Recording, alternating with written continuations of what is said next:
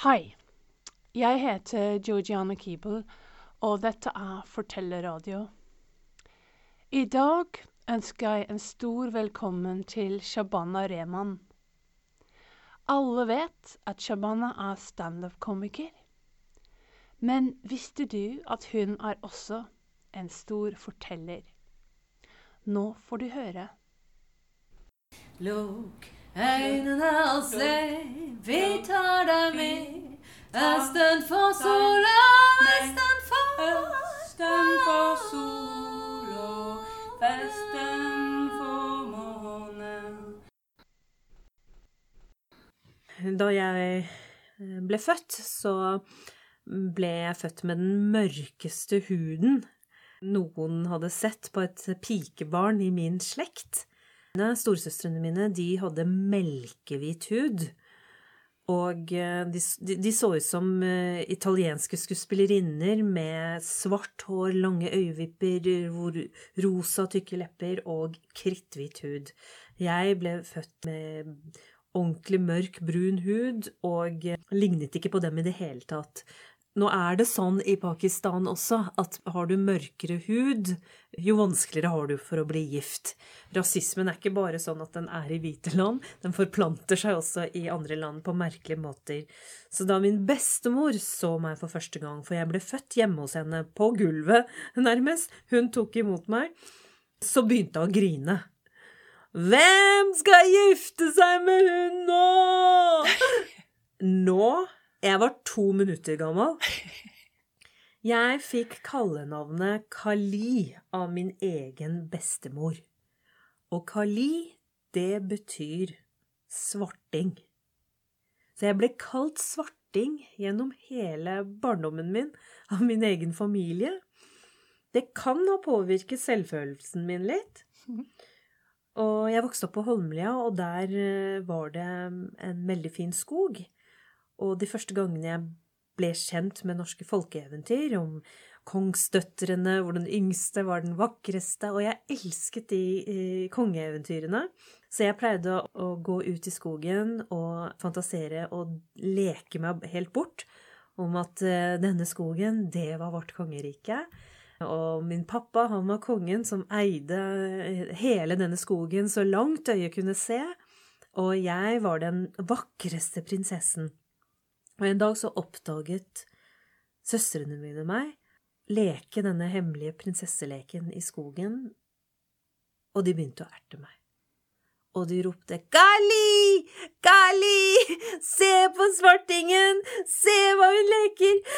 Og jeg begynte å grine, og jeg syntes de var så slemme, og jeg orket ikke mer, og jeg løp til pappa, og jeg sa pappa, pappa, de kaller meg svarting hver dag! Orker ikke mer, det er så vondt. Men da fikk jeg en gave av min pappa som jeg aldri har glemt. Han fortalte meg om en gudinne. Han sa til meg, Shabana, vet du ikke hvem Kali er? Hun er en hindu-gudinne. Kali har fire armer. I den ene hånden holder Kali et sverd, og i den andre holder hun et demonhode som hun har kuttet av. I den tredje hånden holder Kali flammer, og med den fjerde danser Kali så hele universet står i brann. Kali hersker over liv og død. Hun er en mørkets fyrstinne, og hun lærer mennesket å akseptere døden, slik at vi kan leve mer intenst.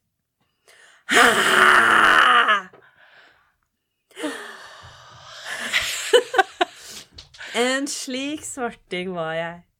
Og da var det greit.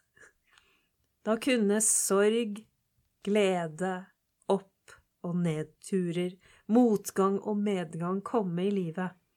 når du har en sånn kraft i deg. Mm. Å, fantastisk! Det er en fin gave å få. Fortellinger er en fin gave å få. Shabana Rehman, du er standup-komiker. Du er eh, en kjendis, og jeg har mange spørsmål til deg om hva forskjell mellom standup og fortelling er. Jeg husker allerede når du kom til Fortellerfestivalen, jeg tror det var 2005, og jeg var festivallederen. Jeg heter Georgiana Keeble, og jeg tok deg imot, og jeg sa du trenger ikke få oss til å le. Og du fikk meg til å gråte og til å le. Og allerede da vi var sammen på frokost-TV, på nasjonal TV, og da skjønte jeg oi, Shabana, hun forstår veldig mye om tradisjonsfortelling. Fikk du høre fortelling når du var barn? Det er et godt spørsmål, fordi hvorfor blir man en forteller? Eh, Akkurat som hvorfor blir man en forfatter? Er det fordi man skrev mye som barn, eller ble lest mye for, eh, bøker for som barn? Jeg tror det er en kombinasjon av at eh, jeg var et veldig fantasirikt barn, som barn er, og jeg tidlig fikk muligheter til å lese. Vi ble jeg var veldig glad i fortellinger og bøker og karakterer. Det husker jeg. Og vi ble tidlig oppmuntret til å skrive egne fortellinger. Egentlig med en gang vi lærte å skrive, av læreren vår, Tora Mele. Vi leste høyt for klassen, og, det var sånn klassens time-ting, og jeg var veldig glad i det. Jeg husker jeg skrev 'Reisen til narkatika', for jeg hadde hørt om Jeg hadde sikkert hørt om et eller annet om narkotika, og jeg syntes narkatika var så fint ord. Narkatika der var, og der var jeg heltinnen, og klassen var der, og der var det monstre, og jeg redda dem, og, og så var det en i klassen som var kjempeforkjøla, så det hang store buser ut av nesa hans, og så fikk jeg kjeft Ja, men så fikk jeg kjeft av læreren at og du kan skrive, Ikke kjeft, da, men hun sa at du kan skrive fortellinger, men det er ikke noe hyggelig for andre at du har skrevet en sånn rolle for dem, for det var jo navngitt, liksom. Og da lærte jeg liksom veldig mye hva ordene er, da. At selv om du forteller fortellinger, så er det ikke bare bare å fortelle det om noen. Ord påvirker, Mm, mm. ikke sant? Og ord skaper. Og Det, det gjør de. Men det var ikke noen som fortalte for deg? Eventyrlesing, høytlesing, som vi fikk gjennom skolen, hadde vi jo. Og den muntlige fortellertradisjonen, da, hjemmefra, så Jeg er jo, kommer fra en stor familie med sju barn. Det var vel ikke fortellinger på den måten. Jeg vokste opp uten besteforeldre. Og foreldrene mine hadde, hadde ikke tid til å øh, komme inn til oss om kveldene. De jobbet døgnet rundt. Og lese. Moren min kunne jo ikke lese og skrive heller. Sånn at det var vel ikke fortellinger, men det kunne være historier nå og da eh, som var pakistanske fortellinger. Om Historien om skilpadden og haren, ikke sant. Det racet, hvem er det som vant det? Og jeg ble jo kjent med noen sånne historier. Og storesøsteren min husker jeg kunne fortelle litt skumle fortellinger til oss på kvelden. Eh, Men ikke som en tradisjon, nei. Men hun hadde kanskje fått det i Pakistan fordi dere reiste når hun hadde vært der kanskje litt lengre, eller? Det stemmer. Og hun var også et veldig eh, leseglad barn. Det, vi fikk jo høre at hun, når hun måtte reise til Norge, da, så var hun i sorg, for hun måtte reise fra biblioteket sitt. Mm. Og det er det jo ikke mange barn som sier at de har, liksom. Så hun var også et veldig lesende barn, det, det husker jeg. Mm. Det stemmer. Mm. Og kanskje hun hadde blitt fortalt eh, av besteforeldre. Ja, hun hadde nok m- møtt dem. Mm, Jeg, mm. jeg har ingen hukommelse Mm. om besteforeldre. Mm. Det har jeg ikke. Ja, så Og det- Ja, det, det jeg syns det, er, det er, er jo litt trist. Så når jeg selv eh, skriver og forteller nå, så merker jeg jo at uh, fortellergleden min, da, handler jo også om å gjenskape. Eh, ikke sant? Et savn. Eh, og min store nysgjerrighet på eh, mytologier, på, på, på det å være maksimalistisk da, i fortellingene. At det er frodig. Det kommer jo av at, at det er et indre savn, men også et indre landskap som er påvirket av flere tradisjoner. Jeg vokste opp med Bollywood og, og norske folkeeventyr. Og MTV. Det, det gjør noe med deg, ikke sant? Det, yeah. det, det gjør noe med yeah. deg. Enten det? Enten det er He-Man eller, eh, eller Askeladden, liksom. Mm, mm. Men jeg syns det er veldig interessant, fordi jeg husker det veldig godt, at det gjorde stor inntrykk på meg, hvor bevisst du var på muntlig fortelling. Og at du da ikke hadde hatt så mye direkte, men et eller annet hadde påvirket deg til å se hvor viktig det er. Selv om du hadde ikke den klassiske bestefar og bestemor som Så det er Det spennende. Ja. Jeg, min uh, debut var jo med standupen. Mm.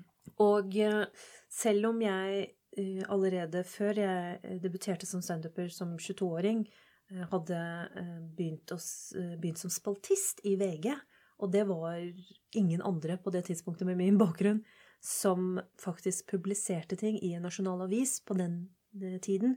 Egne fortellinger, egne kåserier. Mm. Eh, Så, og, og i norsktimen så fikk jeg jo også høre at jeg hadde talent for det. Sånn at jeg tidlig kom i gang med å skrive for et publikum, hadde jeg allerede erfart. Og det var sånne eh, små betraktninger. Mm. Og standup er jo litt sånn litt observasjonshumor, Mm. litt at du deler og er selvironisk. Så veien fra å være spaltist til å bli standuper var egentlig ikke så stor som skribent, og egentlig ikke som forteller heller Mm. eh, som den derre litt selvutleverende, selvobserverende rollen var jeg Mm. allerede kjent med. Og før det så skrev jeg dagbøker. Jeg skrev Mm. dagbøker i alle år, Mm. til jeg Jeg har den klumpen ennå. Jeg, jeg, jeg skrev Ja. på meg en, Ja, ja, en, hadde, en, ja, det hadde jeg også. Yeah. ja, ikke sant? Sånn skriveklump. Jeg har jo nesten aldri møtt noen som har det. Og, og jeg skrev metervis med dagbøker. Wow. Jeg kunne sitte i timevis og, og skrive det. Faktisk så husker jeg at jeg Er det noe eh, jeg angrer på i livet mitt, er at jeg brente en koffert med. Åh. Alle disse bøkene ja, jeg, jeg vet ikke hvorfor jeg gjorde det. Jeg, jeg forstår det fortsatt ikke. Det var fordi jeg reiste så mye. Jeg ble voksen. Jeg flytta Mm, fra mm, sted til mm. sted. Og noen ganger så har man behov for en renselse. Mm. Og så brant jeg den kofferten. Og det var, jeg gjorde det til og med som en seremoni. Jeg brant alle fortellingene for å kanskje rekreere meg selv. Ja, ja. Og det, det har vi behov for, tror jeg. Så det, det er ikke sikkert at det var dumt. Jeg husker også Jeg fikk sjokk fordi eh, vi var ute på byen før vi var på frokost-TV, og da mm, Du var så glamorøs, og du hadde egen stylist, og Oh my god! Yes, da må det- det være den, en av de få gangene. Så da var jeg heldig. Det var gode tider. Ja, det var liksom wow. Og så sa de til meg jeg har 45 minutter av stoff. Og jeg ble helt sjokkert, fordi jeg tenkte oi, vi har timevis, vi har haugevis av materia. Og den 45 minutter, det må være så utrolig verdifull og perfekt. Kompakt. Ja! Kompakt. Og så lurer jeg på, kan du kan du gi oss og Det er sikkert Jeg vet at du har mye, mye mer, egentlig. Men kan du gi oss noen tips på hvordan du jobber med stoff? Hvordan jobb, utvid, Det er- utvikler du? Også det, Jeg har hatt to forestillinger. ene har vært mer standup-forestilling hele aften, som Ski over Grønland, eh, som er det materialet du eh, tror jeg snakker om. Eh, og så er det det andre materialet som er fortellinger, fortellerteater, som jeg i utgangspunktet ikke definerte eh, Konge og fedreland, som er min neste forestilling, eh, som jeg tror du så i 2005 også. Mm. Men det var noe anmelderne sa til meg, at dette er jo fortellerteater.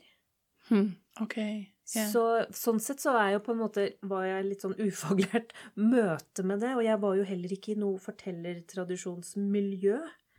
Um, ikke sant, standup-miljøet eh, har helt andre kriterier egentlig med punchline hvert fjerde sekund som de skal ha. Og set up punch, set up punch-type oppbygning, da. Og det materialet er veldig kompakt. Det er prøve og feile og bruke erfaring på hva man tror funker. Og du må ut og møte publikum og teste ut, teste ut, teste ut. Mm. Og det er en smertefull prosess. Mm. Fordi det du syns er morsomt der og da på skrivebordet, er ikke det sikkert er morsomt Så eh, du bygger opp materialet på denne måten at det du vet, er morsomt. Mm. Ikke sant? Det kjører du, og så putter du inn en ny Mm. test. Mm. Og funker det fint. Sånn vokser det materialet ditt sekund for sekund, minutt for minutt. Mm. Og 45 minutter med latter, Mm. eh, det er jo egentlig timevis Ja, med ja. materiale, men det, det er jo det kompakte. Og det, det er en modig prosess eh, som man må bare kaste seg ut i. Eh, du er din egen tekstforfatter, regissør, eh, eh, kostymedesigner og eh, alt på en gang. Så sånn sett er, er det art of standup comedy, syns jeg, er en fantastisk helhetlig øvelse da, som, Mm. som kunstner. Grunnen til at det ble fortellerteater etter hvert, en uventet vending egentlig i, i mitt liv, eh, det var jo at eh, jeg begynte å gå dypere inn i historiefortellingen fordi standupen min vakte såpass sterke reaksjoner som gjorde at, eh, at livet ikke lenger bare var latter. Det kom et sånt alvor og sånt mørke, og også sikkert mine egne erfaringer i livet, som gjorde at, eh, at jeg måtte fortelle en historie det til det publikummet jeg hadde. Mm. Det publikummet fantes ikke for, for min type perform-aktører. Mm. Mm. Eh, Så dette var jo et eksperiment, det med at eh, folk med en annen bakgrunn på standup-scenen, og etter hvert også som åpnet seg så fullstendig med personlige historier. Egentlig uten nettverk, uten et management, så prøvde jeg meg fram og ble på en måte en, en mer Jeg trodde at det var mer ærligere historie, en life journey, en one woman show jeg forteller. Mm. Og formen endret seg. Det var jo fortsatt elementer av standup. Eh, Jeg har lært hele min acting av standup, ikke sant? Eh, Jeg har jo ikke gått noen annen skole enn det. Sånn at mimikk, eh, timing, alt det der har jeg fra standupen. Men jeg må si at det var helt fantastisk å oppleve at man kan gi slipp på en sjanger og begynne med den sjangerblandingen. Og begynne å regissere din helt egen dramaturgi. Som etter hvert skjedde med, med, med konge og, og fedreland. Mm. Som hvor det er deler av, en, av det som skulle bli en oppvekstroman, og deler av standupen, og deler av, eh, av mytologiene og, og eventyrene og forbildene. Kan ikke du fortelle oss en liten fortelling til? Mm, det kan jeg godt gjøre. Da jeg først skjønte at eh, min andre forestilling da, ikke kommer til å bli en standup-show, var en, en veldig tøff periode i livet hvor jeg hadde blitt eh, alvorlig truet i Norge. Så jeg måtte stikke av til eh, utlandet for å få ro en periode. Og en veldig dramatisk hendelse hvor jeg fikk voldsalarm og følte meg egentlig veldig alene i verden. Og dro da til New York for å få litt eh, oversikt over livet og situasjonen. Og kjente meg veldig alene og fremmed i verden, og veldig, veldig blakk. og tenkte at ok, nå er jeg struggling artist i New York. jeg får prøve å gjøre det beste ut av det.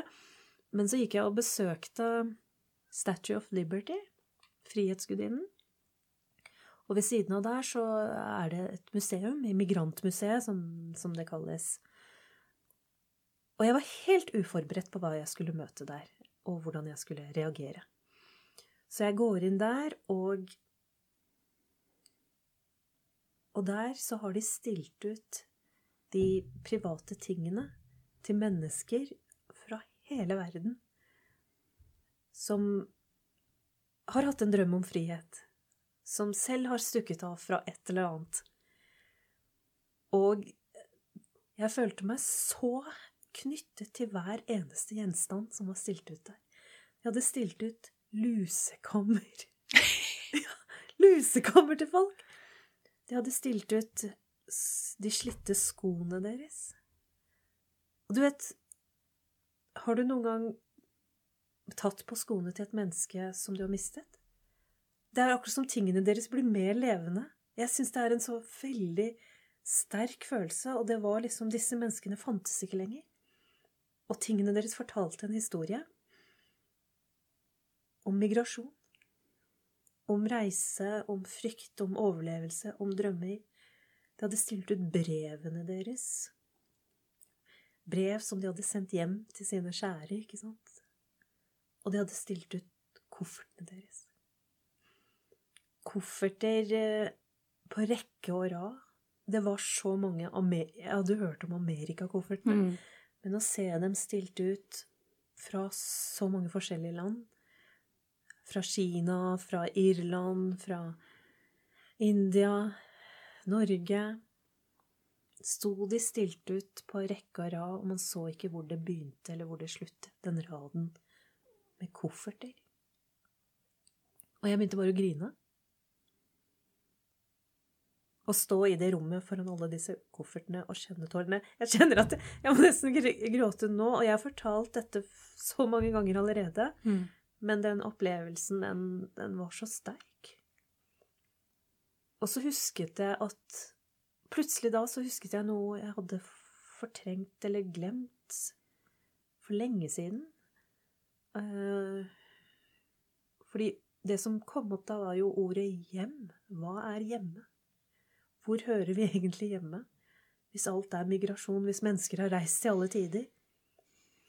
Og så husket jeg at under senga til mor og far så lå det alltid en ferdigpakket koffert. Det var Pakistan-kofferten deres. Den lå der under senga deres som om de en dag skulle reise hjem igjen. Og noen ganger når mor og far ikke var hjemme, så pleide jeg å snike meg inn i rommet, for den kofferten var så mystisk. Og jeg pleide å dra den ut og ta den opp og kikke oppi den, og det Det luktet fremmed. Den hadde et materiale som ingen kofferter i Norge hadde. Og inni der så lå mammas brudeklær. Knallrødt, sydd med gullbroderier. Gull og rødt. Det var i et fantastisk mønster. Og jeg pleide å ta på meg dette sjalet eh, hvor disse håndbroderte gulltrådene skinte. Og jeg følte meg bare som om jeg forsvant inn i en prinsesseverden. Det var helt nydelig, og jeg tenkte herregud, hvor er det folk kler seg sånt? Hvor finnes et sånt land som far hadde fortalt var alltid varmt? At det aldri snødde der? Og jeg skjønte ikke hvordan de kunne stikke av fra Mm. et sånt sted. Til et så kaldt sted som Norge, hvor du fryser rumpa av deg. Og etter hvert så fant jeg også brevene. 300 kjærlighetsbrev kunne jeg telle. Som far hadde sendt til mamma, fra Oslo til Karachi. Mor kunne ikke lese og skrive, og far visste at hvert eneste brev skulle bli lest høyt for henne. Så han skrev så kjærlig han kunne for å fortelle henne hvor glad han var i henne. Uten at det ble for romantisk. Mm. Kjære kona mi, hvordan har du det? Fikk du pengene jeg sendte? Har du nok til barna? Tar familien min vare på deg? Jeg syns det er så fint det du fortalte meg om drømmene du har for barna våre. Du vet, jeg har funnet et land hvor det er mulig å få dette til. Her i Norge så kan Farhana bli lege, Shakil skal bli advokat, og Shabana, hun skal bli ingeniør. I dag fikk jeg nøklene til min første butikk. Jeg jobber også nattevakter. Vi pakker matpakker hele natten. Men når jeg kommer hjem og tenker på at jeg snart skal få se deg og barna igjen, så glemmer jeg all trettheten. Vet du, i dag snør det her. Barna kommer til å elske å leke i snø. Jeg har kjøpt en varm kåpe til deg. Du skal få den med en gang du kommer. din for alltid.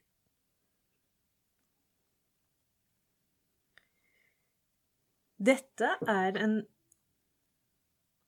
historie fra barndommen eller en opplevelse, en erfaring jeg aldri hadde trodd at jeg kom til å dele. Jeg husket den ikke selv engang. Og jeg har møtt mennesker i flere land som har, og særlig i Norge, voksne menn som har kommet bort etterpå med tårer i øynene. Og jeg har måttet spørre dem hva er det som rører dere med dette? Mm. Og så har de sagt til meg at Shabana, vi, vi har fått høre så mye vondt og vanskelig om utlendinger. Det er det de sa. Men det var ingen som leste høyt brevene deres for oss. De brevene gjorde oss ga oss en mulighet for å bli kjent med de fremmede, som ikke, plutselig ikke var fremmede lenger.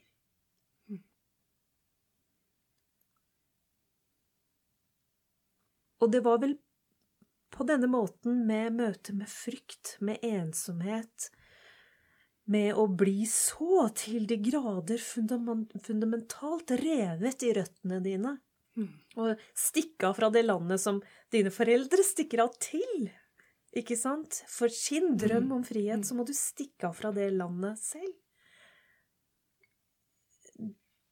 Det utviklet meg som kunstner. Og komiker. Og tragiker. Det gjorde det. Da, da begynte jeg å bevege meg mot en sjanger som har en enda større himmel over seg. Og du får meg til å gråte, selv om jeg hørte for eh, to dager siden. Men én ting, fordi nå jobber vi i Fortellerhuset med Født Fri, og vi har kurs med mennesker som er asylsøkere. Og jeg har tenkt over at så mange av disse fortellinger har den enveisreise som du beskriver. Ja. At du har kommet fra Pakistan, men du har den kofferten under der, men du drar ikke tilbake til Pakistan. Nei.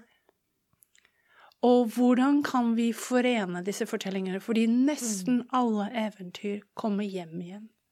De begynner hjem, de går ut for en reise, de kommer over, de er modige, de er snille, og så kommer de tilbake styrket. Så hvordan kan vi komme tilbake i oss selv og bli sterk uten å dra tilbake til Pakistan? Og jeg føler Eller New York. Eller New York, ikke sant? Ja, men det er jo symbol symbolikken, da, i vår arv, i vår fortelling arv, ikke sant? Er det ikke sånn, da, at de skal jo gi oss verktøy for livet? De er jo også moralhistorier på en eller annen måte, ikke sant? Og, og det er jo det du egentlig spør om. Hva kan vi lære av dette? Og store budskapet bak det, for meg så er det jo egentlig en erkjennelse på at intet menneskelig er menneske fremmed. Vi er ikke fremmed lenger. Det å bli så drevet fra skanse til skanse, ikke sant? Med fra Karachi, Oslo, Brooklyn Og så bare kjenne etter hvor lenge skal vi rømme? Hvor lenge skal vi flykte? Hva er egentlig migrasjon? Det er hjertets utvandring, og det er frihetens innvandring. Og den roen må vi finne selv. Hjemmet er våre hjerter. Der må vi falle til ro, uansett hvor vi er, i hvilken by vi er. Så må vi skape dette, dette hjemmet. Vi er Salman Rushdie har jo sagt det. Mennesker har, har ikke bare røtter, vi har også føtter. Ikke sant? Og de, med de føttene så kan vi lande på nye steder. Men det er noe fundamentalt ved oss, fordi Konge og fedreland er jo også en monolog til min pappa. Og den er jo også, det hører også med til historien, at hans siste ønske var Han døde jo bare 52 år gammel. Så jeg som voksen kunstner har jo aldri fått vist han noe eller snakket med han om noe om alt, alle disse utfordringene jeg har, har vært i. Min far opplevde meg jo aldri som den samfunnsdebattanten eller komikeren eller kjendisen. Han døde lenge før det. Og likevel så er det rart å skrive denne monologen til han, fordi hans siste valg i livet preget meg så sterkt, og det var jo hans ønske om å bli gravlagt i et fremmed land, hvor vi var vant til at folk dro tilbake til fedrelandet for å besøke gravene til sine eldre. Og på en måte så sa hans grav det til oss. Dere er hjemme. nå. Dette er deres fedreland nå. Og hvor går man da, når du ikke har besteforeldre, ikke har noen andre slektninger, Du kjenner ikke til noe annet liv enn at foreldrene dine er migranter, og du er vokst opp i et land du er hjemme i, men du er fremmed likevel, og din far ligger begravet her. Og den erkjennelsen, den gjorde meg tidlig i ung alder klar Jeg tror det var grunnen til at jeg begynte å skrive. Gjorde meg klar over at det er ingen andre som kan fortelle denne historien om hvem vi er, og hva vi er blitt. Ingen andre. Hvis jeg skal føle meg hjemme, hvis mine egne skal føle seg hjemme et sted hvor vi ikke er hjemme, rent etnisk, eller hva det nå er Mm. vi menneskene har skapt oss, Mm. da, så må vi fortelle om våre liv. Vi må åpne våre kofferter, vi må åpne våre brev. Det er bare gjennom fortellingen og gjennom å åpne oss de andre vet hvem vi er, hva vi er, hvordan vi er skrudd sammen. Og det gjorde meg uredd for offentlighet. Det gjorde meg uredd for åpenhet. For det på en måte, det ble på en måte et prosjekt. Det, jeg tror det er sånn det begynte, med å gripe pennen fatt og skrive for noe annet enn dagboka. Mm. Det gjør noe med deg, sånne, sånne reiser. Ja, jeg husker at du For da fortalte du den fortellingen om pappaen din, og du sa at han hadde plantet seg i Norge for at vi skulle ha røtter her. Og da var jeg allerede veldig opptatt av trær og miljø, så det var en fantastisk bilde for meg.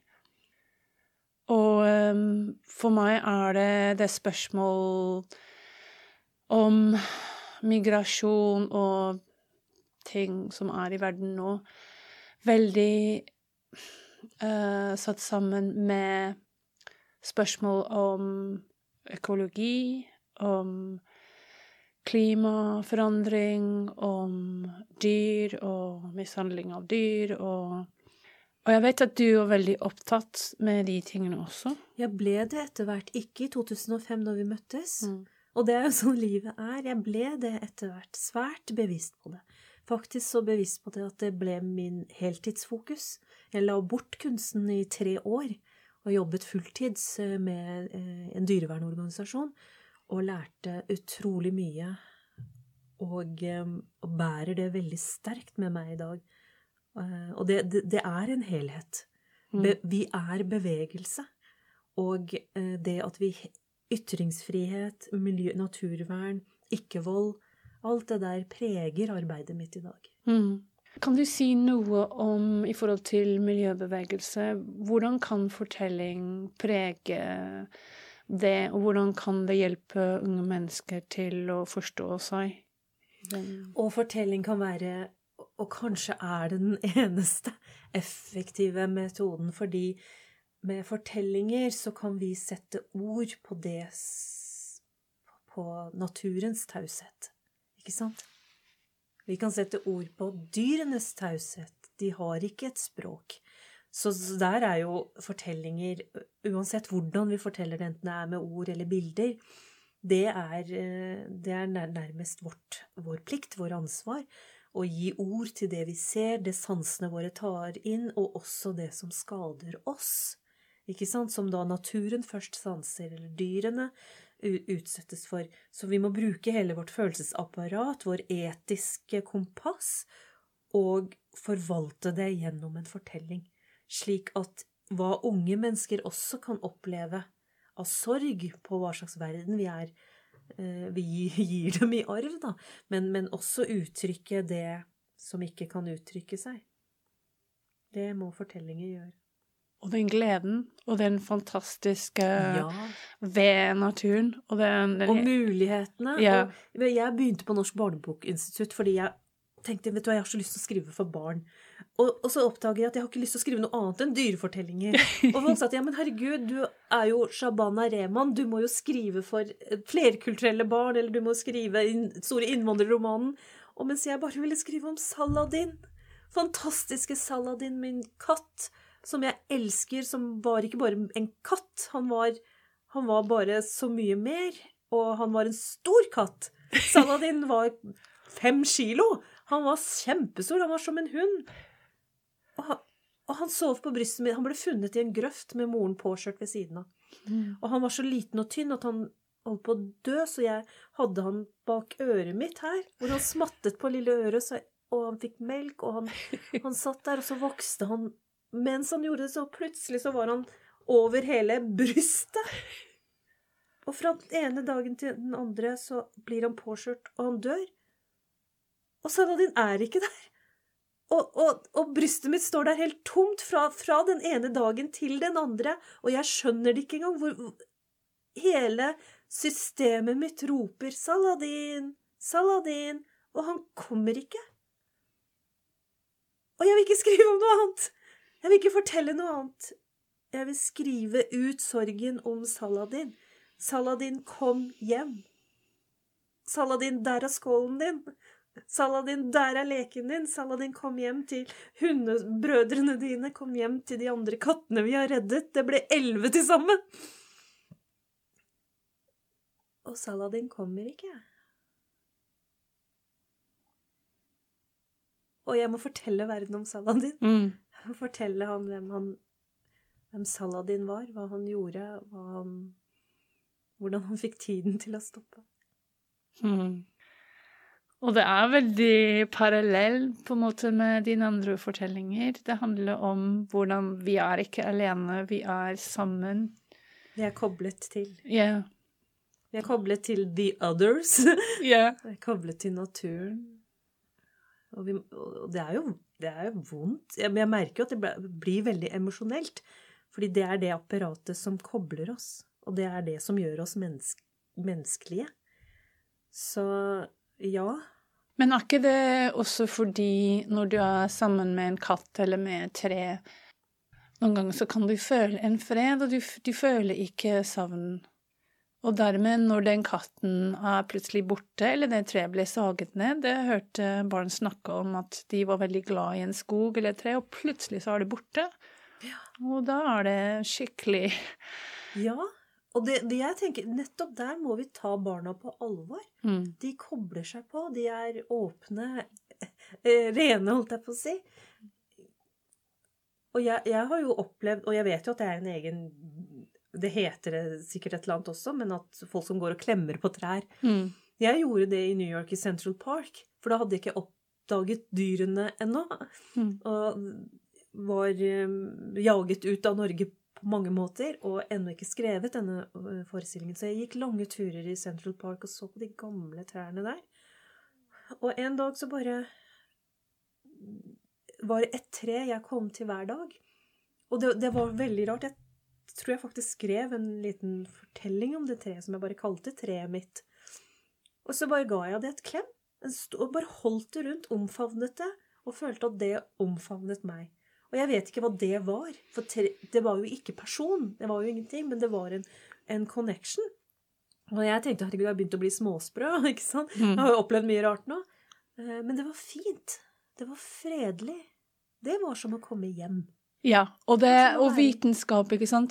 Det fin, vi finner ut mer og mer om hvordan trær er utrolig komplekse. Ok, Ja. det var ikke et menneske, men det var et tre, og de er komplekse, og de passer på hverandre på helt utrolig på, og røttene deres snakker jo og gir beskjeder. Så vi lever i en kommuniserende eksistens. Og det som kommuniserer, er ikke bare menneskelig. Det er også noe utenom-menneskelig. Det må vi lære å respektere. For også for vår egen del. Og da blir faktisk livet litt magisk. Yes. Og det må vi jo kunne fortelle om. Yeah. Og fortellinger er jo litt magi også. Eller å skape magi. Men det er også ekte! Mm. Det er veldig ekte. Men jeg tror, ord, tror på at ord skaper. Ord kan skape. Det er min erfaring, i hvert fall. Definitely. Ja, ja, ja. Og selv om det er sorg og død og tunge ting, så Jeg har en veldig optimistisk natur. Jeg tror ikke jeg hadde blitt komiker hvis jeg ikke hadde det. Optimismen ligger jo i viljen til å fortelle. Du må ha et visst overskudd, ikke sant, for å kunne fortelle en historie. Mm. Eh, Og også kreere en historie. Og du må være åpen, tenker jeg, Mm. for å kunne ta inn ting også. Ja. ja, du må kunne lytte. Mm. Ja, å, fantastisk, Shabana. Da har jeg to ting til som, som jeg har lyst til å Jeg har masse, egentlig. Egentlig har jeg masse. Dette var så hyggelig. En ting, og det, det får du velge, liksom, om du har lyst til å snakke om, men når du fortalte meg og de andre asylsøkere og nordmenn på Født Fri, Shabana Rehman, du fortalte oss om når du løftet mulla Krekar. Og da, for meg, en av de ting som var veldig fascinerende med den fortellingen, var Det virket som om det var spontant om du ble inspirert til å gjøre noe helt utrolig uvanlig og rar og spesielt, som kom til å forandre verden, på en måte. Og det øyeblikk er jeg veldig nysgjerrig på. Hvorfor? Mm. Hvor kom det fra? Jeg er ikke ferdig med å, analysere det sjæl, for å være helt ærlig. Men ja, den fikk enorm oppmerksomhet, og til og med nå, 14 år senere, så, så blir jeg stoppet på gata, og folk ler og spør om det. Så det, det har jo gjort virkelig inntrykk på folk, og skapt latter, egentlig, i, i, i flere generasjoner, holdt jeg på å si. Eh, Det er jo veldig, veldig morsomt at det å løfte en mulla i fire sekunder eh, hadde en så komisk og eh, massiv effekt, egentlig. Eh, Men jeg ser det i sammenheng med en slags stunt performance artist-persona som er parallelt med alt det andre jeg har holdt på med, og som er en eh, kreativ eh, intuisjon. Ja, jeg vil si det. En, en intuisjon om og, hva er intuisjon, egentlig? Det er jo en samling av vår kunnskap som gir instant feeling på hva som må gjøres, eller viten. Og jeg har en, en sånn in, intuisjon på kreativitet som hjelper meg med å finne løsninger på ting. Eller hjelper meg med å finne artige ting, og jeg gjør det, og det kan være alt fra at jeg maler kroppen min med det norske flagget, som også var en instant reaksjon på veldig mye uro som jeg tok inn. Veldig mye forakt, veldig mye eh, hetsing på identitet. Et utrolig press som kan radikalisere andre, som kan eh, få andre mennesker til å bli forvirret eller gå i oppløsning. Dette presset gjorde meg som ung til en artist, og som brukte da egen kropp på denne måten.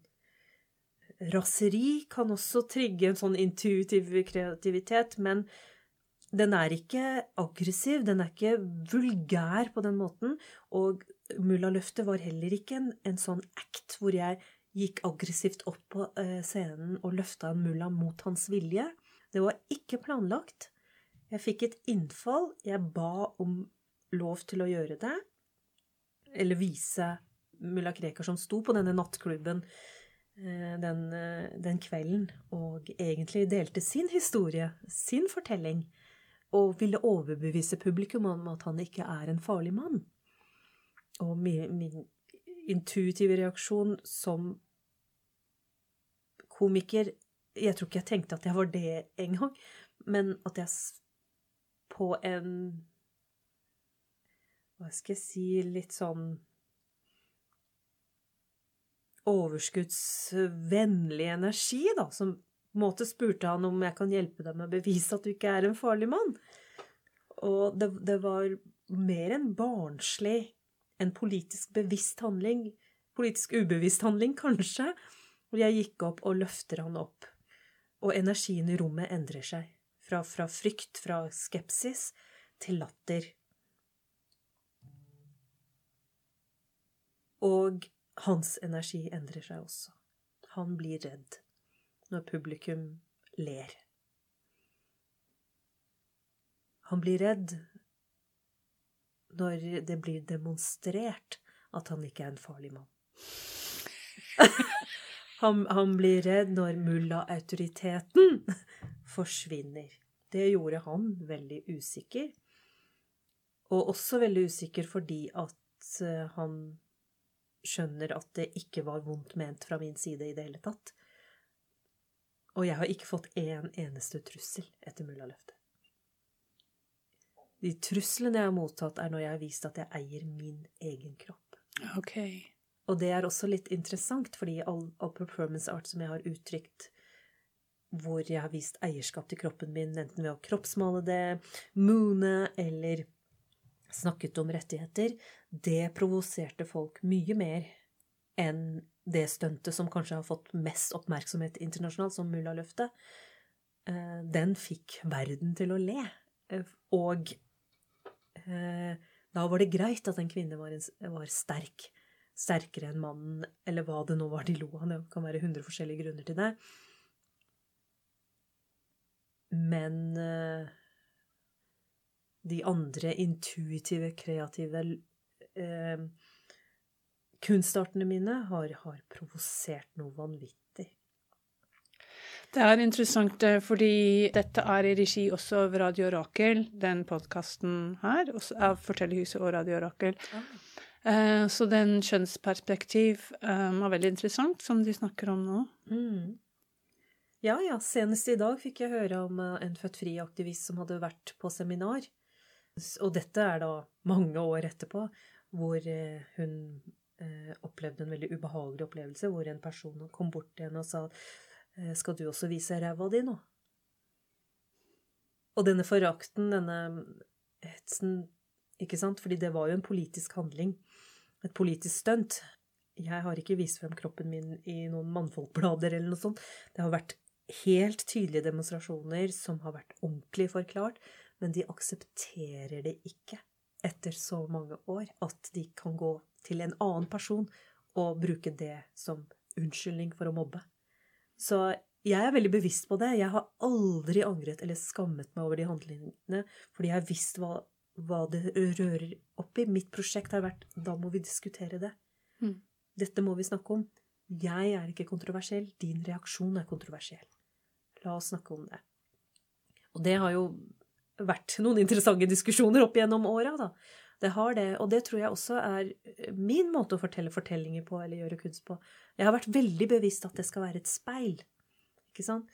Og, og bruke det til å snu, se deg selv, se på speilet. Det ser ut som at jeg er veldig åpen og bretter ut alt, men din reaksjon på å se min åpenhet er speilet.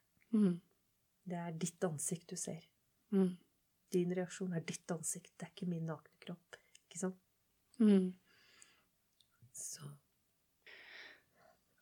Hva tenker du til å komme tilbake til starten, på en måte, og Kali og den fantastiske gudinnen? Hva tenker du om behov for dagens barn å kjenne til disse arketypene og mytologiske figurer? Jeg tenker at det er en del av det speilbildet med vår felles kulturarv vi må gi dem muligheter å speile seg i. Og da mener jeg ikke bare det fysiske, men også det mentale bildet. den mentale reisen eh, et, et liv også er. Dette, vårt indre landskap, ikke sant? Eh, som også er like frodig som alt det vi ser rundt oss. Jeg tror jo på at det er en helt regnskog der inne også. Vi må dra på oppdagelsesferd inni hodene våre også, inni følelseslivet vårt, og de verktøyene må vi gi videre i arv. Det er arketyper, det er fortellingene, det er mytologiene. Og jeg eh, var forelsket i det som barn når jeg ble kjent med nordisk mytologi. Jeg spilte Frøya i Thors hammer, i Trymskvadet. Og det er en hovedrolle jeg aldri har fått. No, også alle andre roller jeg har tatt, har jeg skrevet selv. Men det er eneste gangen jeg fikk en rolle på en scene i Norge, og det var min lærer som ga meg på barneskolen, hvor jeg fikk spille Frøya. Og det tror jeg ga meg den selvtilliten jeg trengte for at jeg har stått på scener over hele verden i dag. Og ikke en eneste gang har jeg norsk teater, eller til og med norsk talkshow, spurt meg om vil du lede, vil du være på scenen, vil du spille en rolle. Selv om jeg er kjent og er en av de mest etablerte, så har det aldri skjedd. Mm. Og det er helt greit, fordi jeg har skapt min egen vei. Men det er også et faktum Mm. at jeg som er en av de mest kjente, etablerte artistnavnene med pakistansk bakgrunn i Norge, aldri har fått den invitasjonen, Mm. men har måttet skrive og lage det selv. Men jeg fikk det på morgenskolen. Jeg fikk det av frøken Tora, og det gjorde også at jeg begynte å speile hinduistisk mytologi, huske hva pappaen min sa, og se på verden eh, som den er, i all sin, all sin eh, fortellingsfrodighet. Fordi mytologiene er jo fortellinger som er flettet inn i hverandre på utallige måter, ikke sant? Eh, mennesket har ikke bare et ansikt, og i hvert fall i de hinduistiske, hvor det er flere armer, flere ansikter, og eh, slektskapet med, med dette mangfoldet i alt i naturen, ikke sant? Med reinkarnasjon og rekreasjon, alt eh, bare vokser og vokser. Det er jo liv og, og død, liv, død, det gror overalt. Det, jeg er veldig fascinert. Jeg merker hva er det nå mens jeg prater om det. Så, så ja, den arven må vi gi videre. Jeg elsker å fortelle fortellinger til barn. Jeg elsker entusiasmen, blikkene, ansiktet. Jeg elsker å lage, lage det til en ekte, genuin, organisk opplevelse. Eh, Samtidig som eh, den er jo en veldig sterk historie som går nå, som er en tankevekker om eh, eh, den gutten som satt i rullestol, som, hadde, som spilte spill, eh, og som døde nå nylig ganske ung. Og foreldrene som forteller da at de hadde prøvd å få ham til slutt å spille, og mast på han, og nå må du legge deg. Og på begravelsen hans så blir det tent lys over hele Europas spillvenner.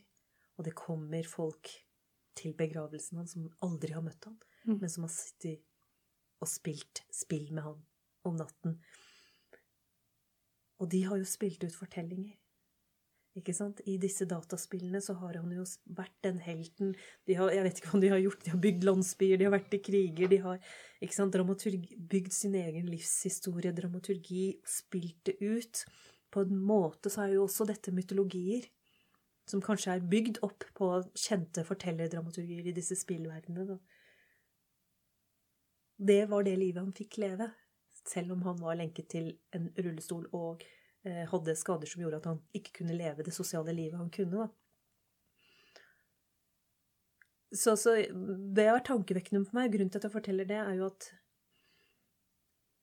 vi vil jo gjerne ruste barn og unge til dette livet. Til alle disse fasene. Mytologier, fortellinger gir dem denne ballasten. Men det fins kanskje flere måter å fortelle på.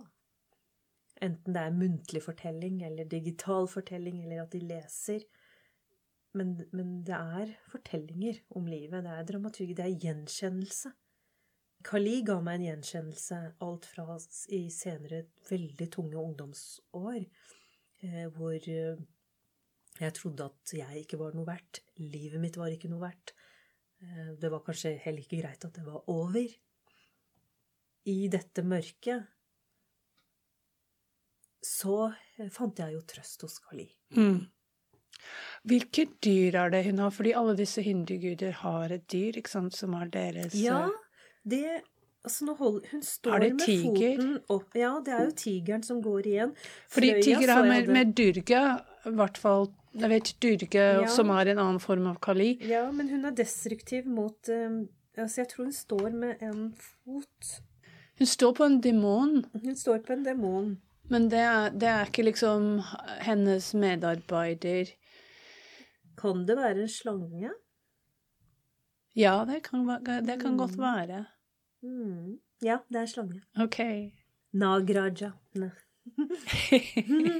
Det er en slange, faktisk. Og slangen har også nydelige eh, myter knyttet til seg i, Ja. i, i, i India. Jeg har jo sett flere filmer hvor eh, eh, slangen dyrkes. Altså slange er også en gud. ikke Mm, sant? mm. Slangeguden dyrkes, og så fins det også en veldig spennende myte i, i India om eh, at slangen reinkarneres som mennesker, eller kan Mm. ta, manifestere seg i forskjellige fysiske manifestasjoner Mm. for å uttrykke noe, enten den skal ta hevn, eller den skal vise mennesket vei, så har slangen i seg evnen til å manifestere seg i andre fysiske Mm. uttrykk. Og jeg syns det er så spennende med disse filmene, disse fortellingene. Yeah. Eh, Og de er fantastisk laget og fortalt, og jeg har aldri vært borti noen sånne fortellinger i, i Norge eller i Norden. Mer som vennskap med dyr, eller at man er blitt forbannet og blitt til et dyr. Ja, det er et stort uh, tema for meg, eh, og særlig i forhold til trær. fordi i India så finner du fortelling hvor et tre blir til et jente, en jente blir til et tre. Det finner du også i Afrika. Som du ikke finner i Norge, men jeg tror at de har blitt presset ut. Fordi kristendommen har sett på trær som en trussel. Fordi før det var så mange hellige trær her i Norge overalt. Og da ba man. Og da ble disse skogene ble gitt til kirken. Og mange av disse trærne ble fortsatt bevart og ble hellige, men mange ble hogget ned, og det var eh, utfordret av Fordi de ble dyrket. Ja. Vet du hva favorittboken min, som har fulgt meg hele livet, og som jeg fortsatt går tilbake på, som er min koran, er en bok faktisk om en ø, psykolog som driver med fortellingsarkeologi. Mhm. Boken heter 'Kvinner som løper med ulver'. Yes. Du har lest Ja, den? ja. Cla- av Clarissa Pincola Estes. Og den er, eh, hun er jo jungiansk eh, psykolog eller terapeut, og så graver hun ned i førkristne versjoner av folkeeventyrene. Og hun går jo veldig inn i hva buds, moralen eller budskapet eller visdommen eh, disse opprinnelige fortellingene hadde Mm. før religion eh, på en måte eh, rensket dem for alt fra demoner til seksualitet? Alt det burleske forsvant, så de ble gjort renere, og kanskje også noe med deres opprinnelige, opprinnelige betydning. For sånn er jo psyken vår, den må på en måte vekkes litt. Og disse fortellingene gjør jo det. Og jeg elsker den boken, fordi den føl kan gir en på en måte et eventyr som en gave, litt sånn som pappa ga meg historie om Kali, Mm. eh, til hver livsfase eller situasjon kvinner kan være i. Og den har vært min medisin. Så, så hvis det er noe med gleden over det og hva fortellinger kan gjøre, hvis det er en skole eller et sted jeg har lært det, så er det faktisk gjennom denne boken 'Kvinner som løper med ulver'. Mm. Og nå gjør jeg jo det. Jeg løper yeah. med to polarhunder, da. Ja, ikke sant? Tusen takk.